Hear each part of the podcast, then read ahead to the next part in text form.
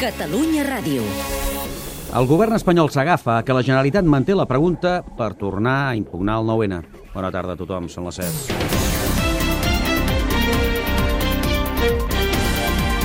Catalunya Vespre.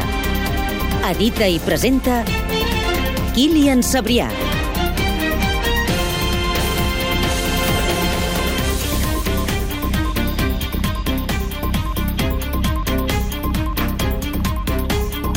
Comença a arribar la música, no exactament la lletra, però sí la música de què s'agafarà el govern espanyol per impugnar el 9-N. D'entrada, la pregunta, Martí?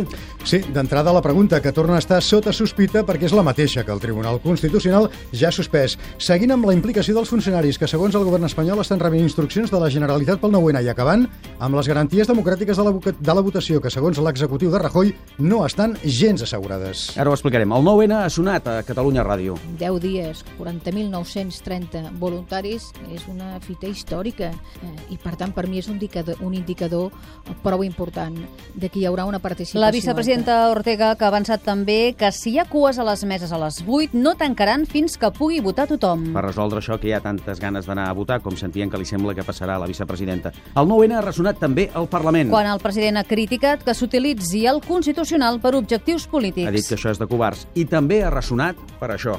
Els senyors del públic que acaben d'aplaudir els demano que surtin de la sala. Ja els he avisat.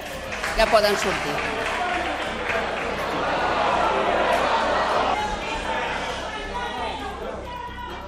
Són sis convidats del Partit Popular que han fet gestos feixistes, mà alçada, semblava, i crits de Viva Espanya quan els han expulsat de la cambra. Convergència i Unió, Esquerra, PSC, Iniciativa i la CUP estan preparant un text de condemna. El president Mas prepara una altra cosa, uns pressupostos nous, nous números pel, per l'any que ve, pel 2015, que portarà al Parlament, tot i que no té el suport d'Esquerra. I sense els republicans, Mas i el PSC es ronden. El president de la Generalitat sobre negociar si amb els socialistes si s'apunten al 9-N. Potser que en comencéssim a parlar abans que sigui tard. Per què en el punt que estem no se sumen vostès en aquest procés participatiu? Segur que de tota la resta és molt més fàcil parlar. Per cert, sobre el 9-N, una condemna a l'actitud de Rajoy que ens ha arribat de força lluny, ens ha arribat de Venezuela. cómo reprimen a los pueblos que están buscando por la vía de mejores autonomías, un mejor nivel de vida, como el pueblo catalán, el pueblo vasco, ¿verdad? ¿Cómo los reprimen? Y nosotros calladitos, yo nunca opino. D'on surt aquest anuig de Maduro, que era Maduro amb Rajoy? No crec que sigui pel tema català pròpiament dit, Sergi. No, no. Entra dins l'ofensiva que el president veneçolà ha iniciat contra el govern espanyol per les declaracions que Rajoy va fer sobre el líder opositor veneçolà Leopoldo López, empresonat des de fa 8 mesos. La setmana passada Rajoy es va reunir amb l'esposa de l'opositor i després va denunciar l'actuació de Caracas. Ahir Maduro ja va cridar consultes a l'ambaixador veneçolà a Espanya. Ja avui ha dit això. Ah, exacte. A Rajoy se li escalfaran les orelles per més coses. Informe del dia de la corrupció. Detingut un guàrdia civil per haver avisat Granados de l'operació Púnica. És el moment de la detenció, sí. Mentre al Congrés, Rajoy i oposició es tiren els plats pel cap. Usted está asediado por la corrupción. Le pedimos que deje de mirar para otro lado y que se enfrente de una vez a la corrupción. La corrupción puede ser el ébola de la democracia. No demos la imagen porque no se corresponde a la realidad de país sumido en su totalidad en la corrupción. I mentrestant, l'exconseller Nadal imputat en una presumpta estafa urbanística. Ell ho nega i diu que va actuar per interès polític. I atenció clarament a un fracàs. Coet no tripulat de la NASA que explota.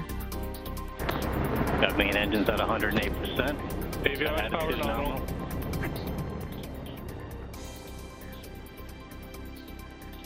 Doncs ja ha explotat. La nau portava, ha anat molt ràpid tot plegat, la nau portava provisions i material per l'Estació Espaial Internacional, 2,2 tones. Ha explotat 6 segons després de l'enlairament i de moment no se'n saben les causes. Els que s'enlairen del tot són Martina i Marc. Els noms preferits pels catalans. Que som a la cua d'embarassos i naixements d'Europa. L'any passat 71.403 menys que l'any anterior. I menys que l'anterior, i menys que l'anterior. Cau, en definitiva, un 7,3%.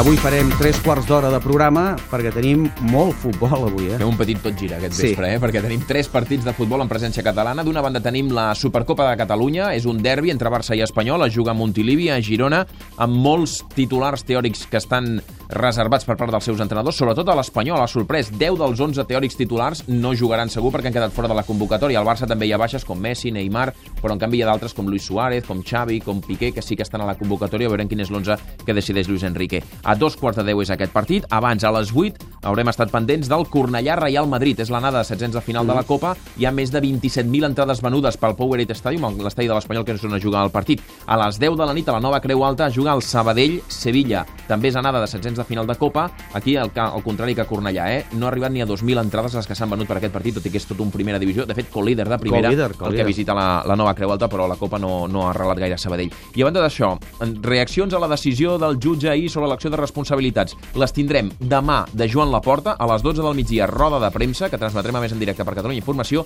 i demà passat del Barça, perquè divendres es reuneix la Junta Directiva per analitzar el tema i quina és la reacció que han de fer. Entre altres coses han de decidir si presenten recurs o no.